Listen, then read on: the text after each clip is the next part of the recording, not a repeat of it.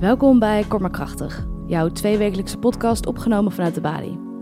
Zeggen dat je studeert terwijl je dat eigenlijk niet doet. Volgens universiteiten stijgt het aantal studenten hard. Maar hoe ontsnap je deze situatie? Onder andere voormalig student Job van Ballengooien doet zijn verhaal. Mijn naam is Lindeen en eerst ga ik in gesprek met programmamaker Lola het Hart.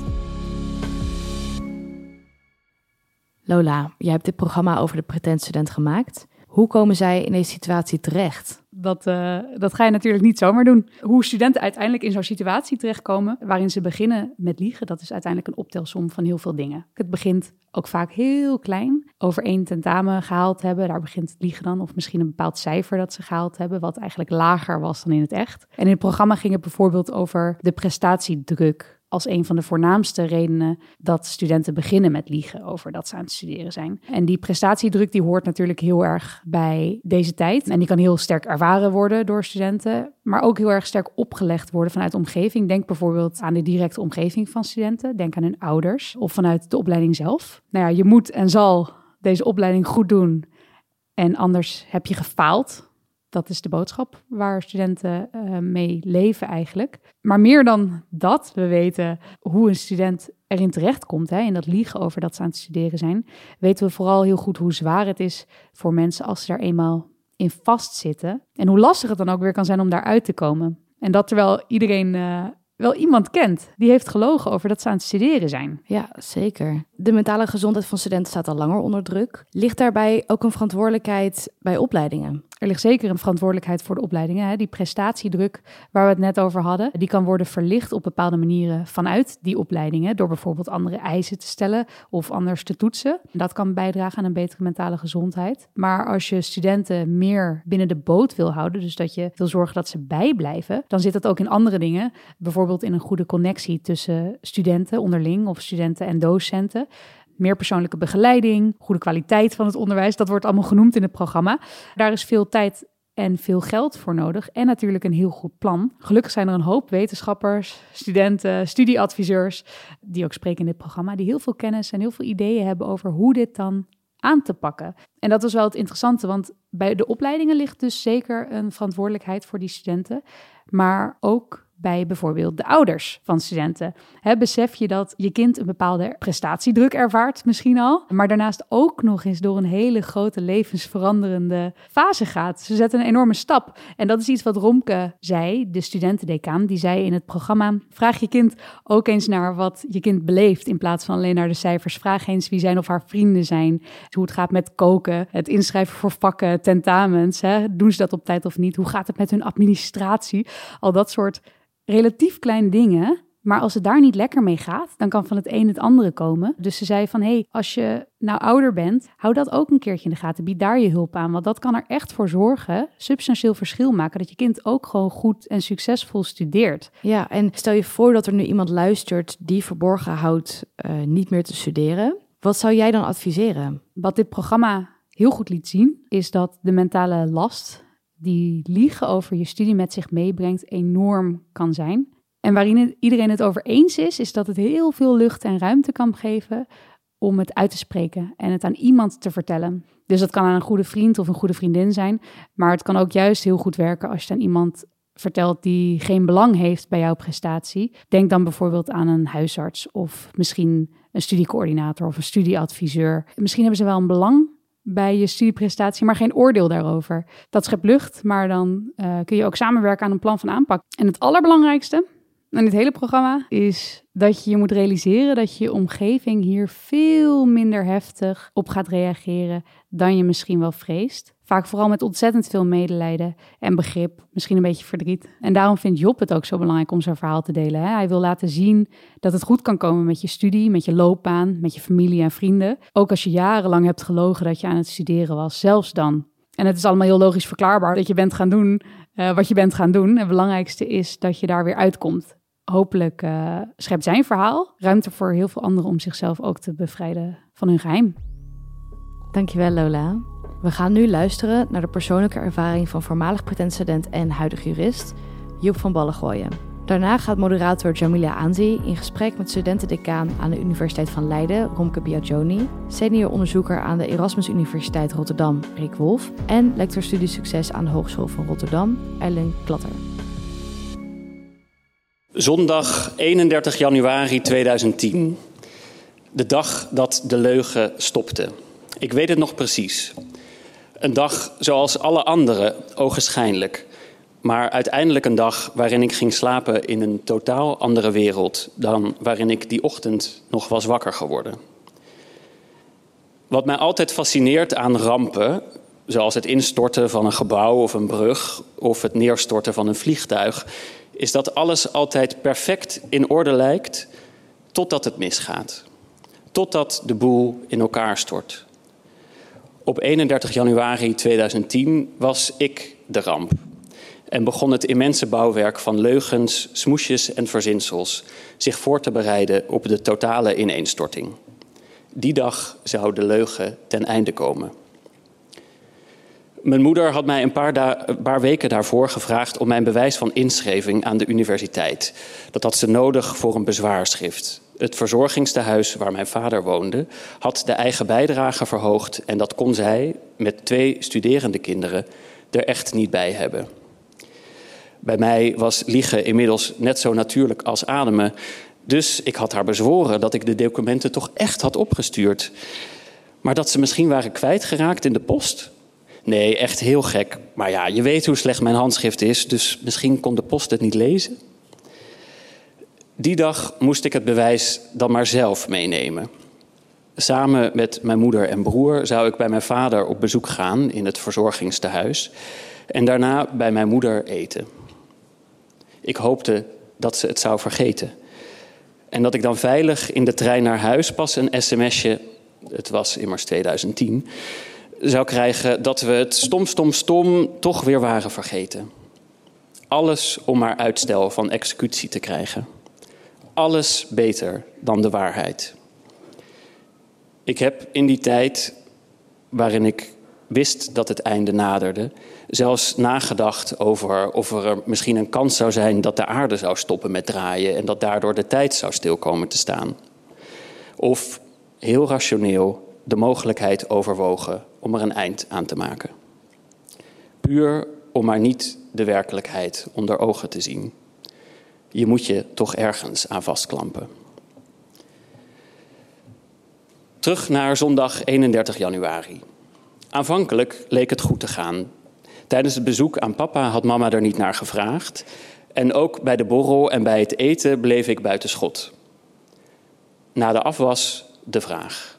Uh, voor we het vergeten, Job, hou even dat inschrijvingsbewijs uit je tas. Paniek. Tuurlijk, mam. Wat nu? Act cool. Elke seconde uitstel die ik kon krijgen, was er één. Ik liep langzaam naar mijn rugzak in de hal. Ik ritste zelfs, volslagen zinloos, het hoofdvak open. Geheel volgens verwachting was het inschrijvingsbewijs in geen velden of wegen te bekennen. De gedachten schoten door mijn hoofd. Kon ik snel nog iets verzinnen dat ik het per ongeluk in een andere tas had gedaan en de verkeerde had meegenomen? Dat de universiteit tegenwoordig geen inschrijvingsbewijzen meer verstrekte? Nee. Alle momenten en deelbeslissingen leiden tot dit moment. Vanaf de allereerste keer, zes jaar geleden, dat ik met een klein leugentje zei dat mijn tentamen wel goed ging, tot nu, waarin iedereen, maar dan ook iedereen dacht dat ik bijna zou afstuderen in zowel geschiedenis als rechten. Want ja, als je dan toch liegt, dan maar meteen goed. Dit werd het moment van de waarheid. Letterlijk.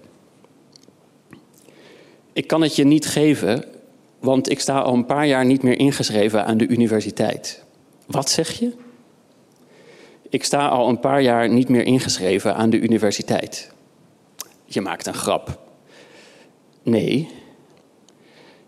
Het gezicht van mijn moeder vergeet ik nooit. Ongeloof, verbijstering, ongeloof, woede, de vaste overtuiging dat ik dus een grap maakte en weer ongeloof wisselden elkaar af. Pas na twintig minuten daalde het besef in dat juist dit echt was en de succesvolle student het verzinsel. Vanaf dat moment was er vrij weinig afwisseling meer in de emoties. Het was voornamelijk verdriet. Af en toe een flinke dosis woede. Het is het enige moment dat ik mijn broer, mijn grote stoere broer, heb zien huilen. Omdat het beeld dat hij van mij had voor zijn ogen in elkaar stortte. Mijn natuurlijke neiging om aan damage control te doen, zette ik resoluut, maar vol angst aan de kant. De gifbeker moest leeg en wel vanavond. Ik vertelde alles. Hoe ik begon met vertellen dat ik één tentamen had gehaald, in de hoop dat ik de herkansing wel zou halen. En niemand er ooit achter hoefde te komen.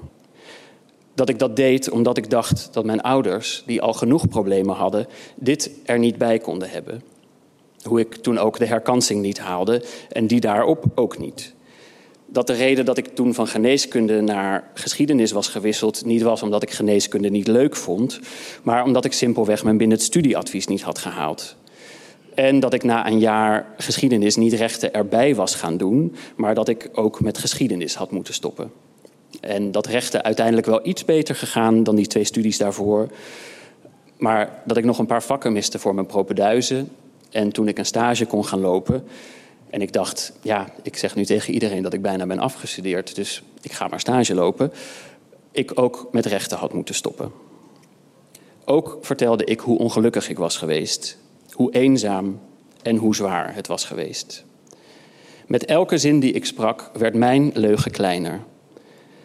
Vreemd genoeg werd mijn grootste vrees niet bewaarheid. De totale woede en de afwijzing waar ik zo bang voor was en waardoor ik zo lang de waarheid niet had durven vertellen, die bleef uit. In plaats daarvan was er verdriet en zelfs mededogen over hoe alleen ik moet zijn geweest en hoe goed het was dat het er nu in elk geval uit was. We gingen die avond laat naar bed. De volgende ochtend werd ik wakker met een stil hoofd. Zoals het gevoel dat je hebt als je heel lang een afzuigkap hebt aan laten staan en hem dan uitzet. Mijn hoofd, dat zo gewend was geraakt aan het voortdurende achtergrondgeluid van gedachten, dat zich continu bezig had moeten houden met het in stand houden van dit enorme bouwwerk aan verzinsels, had eindelijk rust. Tot mijn moeder de kamer inkwam met de telefoon in haar handen. En nu ga je al je vrienden bellen. Jij was degene die Job begeleidde. Ja. Toch? Een uh, hele tijd geleden. Ja. En Job, uh, wanneer was het? 6, 7? Ja, 2006. Ja. Ja, ja, we hebben elkaar voor het eerst gezien. Ik heb wel een signaal gekregen uit de omgeving, herinner ik me. En naar aanleiding daarvan uh, heb ik Job opgeroepen met een beetje met een uh, excuus. en ik weet nog wel dat dat destijds ook een beetje spannend was, want wij hebben natuurlijk toch altijd ook regels over privacy en mm -hmm. wanneer uh, kun je iets doen. Maar ik ben zelf wel iemand die, nou ja, als er zorg is over een student, moet je eigenlijk altijd handelen. Dus toen heb ik Job destijds opgeroepen. Ja. En, en dit was in 2006. Ja. Je doet het al 17 jaar. Zie je veranderingen in de tijd dat je het nu doet? Ja, sinds twee jaar geleden is het wat meer in de publiciteit gekomen. Het heeft altijd al gespeeld, wat Job ook uh, vertelde. Wij merken wel, uh, in de studentenpopulatie is een ontwikkeling gaande die ik zelf heel zorgwekkend vind. En ik denk dat er heel veel thema's en onderwerpen liggen mm. waar we in het onderwijsveld aandacht voor moeten hebben en waar we echt mee verder moeten. En dat zijn lastige gesprekken om te voeren, merk ik. Ja, uh, Rick. Welkom. Jij houdt je bezig ook met diversiteit en inclusie. Merk jij in je onderzoek dat bepaalde studenten het zwaarder hebben dan, uh, dan andere studenten? Ja, ja zeker. Dat merk ik uh, wel. En hoe, ja, ik wil eerst nog even zeggen, toen ik het verhaal van uh, Job hoorde... dat ik me realiseerde dat ik ook even pretend student oh, nou, nou, Rick, vertel. En, nou, ik, ik moest eindexamen en dan moet je een studiekeuze maken. Ja. En uh, nou, ik weet niet zo goed dat ik moest kiezen. Maar mijn ouders die zeiden van... Nou, Nederland is heel goed in weg- en waterbouw. Uh, dus als je dat gaat doen, kan je dan komt. Het ja, dan komt ja. het helemaal goed. En ik was toevallig ook goed in beta-vakken. Ja. Dus uh, nou ja, ik als brave, brave zoon ging dus civiele techniek doen in Delft. Uh, maar ik kwam er al snel achter dat het het niet was. Hè? En de manier waarop er les werd gegeven. En ik haalde geen enkel vak. En uh, nou, ellende, ellende. En uh, nou, ik heb er niet zo lang ingezeten voor ik besloot om iets anders te gaan doen. Ben je op een gegeven moment ook gaan liegen? Of? Nou, voor mij was het wel een, een periode denk ik, van twee maanden of zo dat ik het hen niet durfde te vertellen. Ja, toen ik dit verhaal van Job weer hoorde, toen kreeg ik meteen weer die emotie erbij van oh. Dat, uh, en ik heb er maar twee maanden in gezeten. Dus ik durf me niet voor te stellen hoe het is om daar jaren in, Ja. in te zitten. En ik, ik denk ook wel dat er studenten zijn die het eh, ja, moeilijker hebben dan, dan anderen. En eh, die het ook zo moeilijk hebben op de opleiding. Dat ze dingen niet halen. Gewoon doen alsof alles eh, goed gaat. Terwijl het helemaal niet zo, eh, eh, zo is. Ja, ik was de eerste in mijn eh, familie die ging eh, studeren. De eerste generatie Oh, migratiestudenten. Die heb je heel veel. Het is en een nieuwe wereld, maar ook gewoon nou ja, alle, hè, alle studentenetiketten die erbij komen kijken. Het is allemaal nieuw en spannend. Merk je dat bij die groep in jouw onderzoek naar diversiteit en inclusie daar anders mee omgaat of anders mee deelt, met andere zaken deelt dan eh, andere studenten? Sowieso als je kijkt naar de achtergrond van wat dan heet eerste generatie studenten. Mm. De studenten die als eerste uit een gezin gaan studeren. En dan ook nog eens studenten met een migratieachtergrond. Die komen uit een milieu waar het studeren dus niet, eh, niet gewoon is. Nee. In ieder geval het studeren in Nederland. Dus er is ook heel veel onzekerheid over wat er van je wordt verwacht. Wat ik merk, maar misschien dat jullie dat ook zien... dat die studenten heel erg gaan invullen hoe je je moet gedragen als Mhm. student. En daardoor zichzelf heel veel druk opleggen en de lat hoog leggen. Eh, en dat studenten die uit milieus komen waar al wel gestudeerd is... ja, die weten beter wat er van ze wordt verwacht. En dat het ook wel mis zou kunnen gaan. En, eh, eh, dus die gaan daar wel relaxed mee, mee om. En omdat je die druk zo hoog legt voor jezelf... dat kan behoorlijk eh, tegen gaan werken op een gegeven Ja. moment. Ellen, jij doet onderzoek naar studiesucces. Is dat herkenbaar? Nou ja, ik werk dan bij eh, een hogeschool, waarbij ze hier dus heel erg bewust mee bezig zijn. Heel veel MBO-studenten die dan instromen. En daar hebben ze echt een fase van onboarding. Nou, wat Dus dan, net zoals dat je ook wel eens op de middelbare school hebt, dat je een week op kamp gaat, zeg maar. Ja. Ga je een hele week allerlei leuke dingen doen met de groep, met docenten erbij. En dat werkt echt heel goed. En dit is wel herkenbaar, want eh, bij de Erasmus... er is één opleiding pedagogische wetenschappen. Daar wordt ook ingezet op wat dan heet sense of belonging. Hmm. Versterken van studenten, hè, dat ze zich op een plek voelen op hun opleiding. En een van de activiteiten die wordt gedaan, dat heet dan de Dialogue Day. Hmm. Eh, dat aan het begin van de, van de studie studenten met elkaar in eh, gesprek gaan. Eh, ook samen met docenten. Want ik deel, wat jij ook bedoelt, eh, en dat community building heel erg belangrijk is. Ja. Maar wat ik daar goed aan vind is dat, want als je het hebt over community building, gaat het vaak over community onder studenten. Op die opleiding proberen ze de docenten er ook bij te betrekken. hè. De community is dus niet alleen studenten, maar het zijn docenten en studenten bij elkaar. Eh, maar goed, dan heb je dus die dialogue day. En eh nou, studenten die praten dan met elkaar niet alleen over de studie, maar ook eh, dat ze iets over zichzelf eh, vertellen. En eh, wat ik nog goed herinner van, van de eerste keer, was na afloop was een soort plenaire sessie. En eh, toen werd er gevraagd, nou, wat neem je mee van de dag? En toen zei één meisje dus van, nou, ik ben eerste generatie student. Ik ben de eerste uit het gezin die is gaan studeren. En ik dacht dat ik de enige was. Maar er zijn er veel meer die dat eh, Ja. hebben. En dat geeft me zoveel meer vertrouwen dat ik hier op mijn plek voel. Dus je kunt community beelden ook alleen maar door, eh, al heel simpel door met elkaar te praten. En door dingen met elkaar te delen. Ja, het geldt ook voor pretend-studenten. Ja. Dat ze toch ook heel vaak denken dat zij de enige zijn die dat aan het doen zijn, aan het liegen zijn, dat ze een studie aan het, aan het volgen zijn. Romke, jij doet dit dus nu al een, eh, al een tijd, het coachen en begeleiden van studenten. Wat zijn zoal de verhalen waar ze, mee, eh, waar ze mee komen? De studenten die ik zie zijn wel studenten die eh, een aanleiding hebben om naar mij toe te komen. En dat kan ook een financiële aanleiding zijn. Destijds daar heb ik met Job toen ook eh, contact over gehad. Hij eh, is ook de langstudeerboete ooit ingevoerd. En toen weer teruggetrokken vanuit de politiek. Daar kwamen enorm veel studenten toen ook naar boven drijven. Die eh, om financiële redenen dan ook contact moesten zoeken. Maar dat heeft wel nou ja, ook wat alertheid gebracht op dat onderwerp. En wat ik zelf heel erg merk is op het moment dat iemand bij mij is en ik ben in gesprek met een student, vraag ik wel heel erg door over situaties.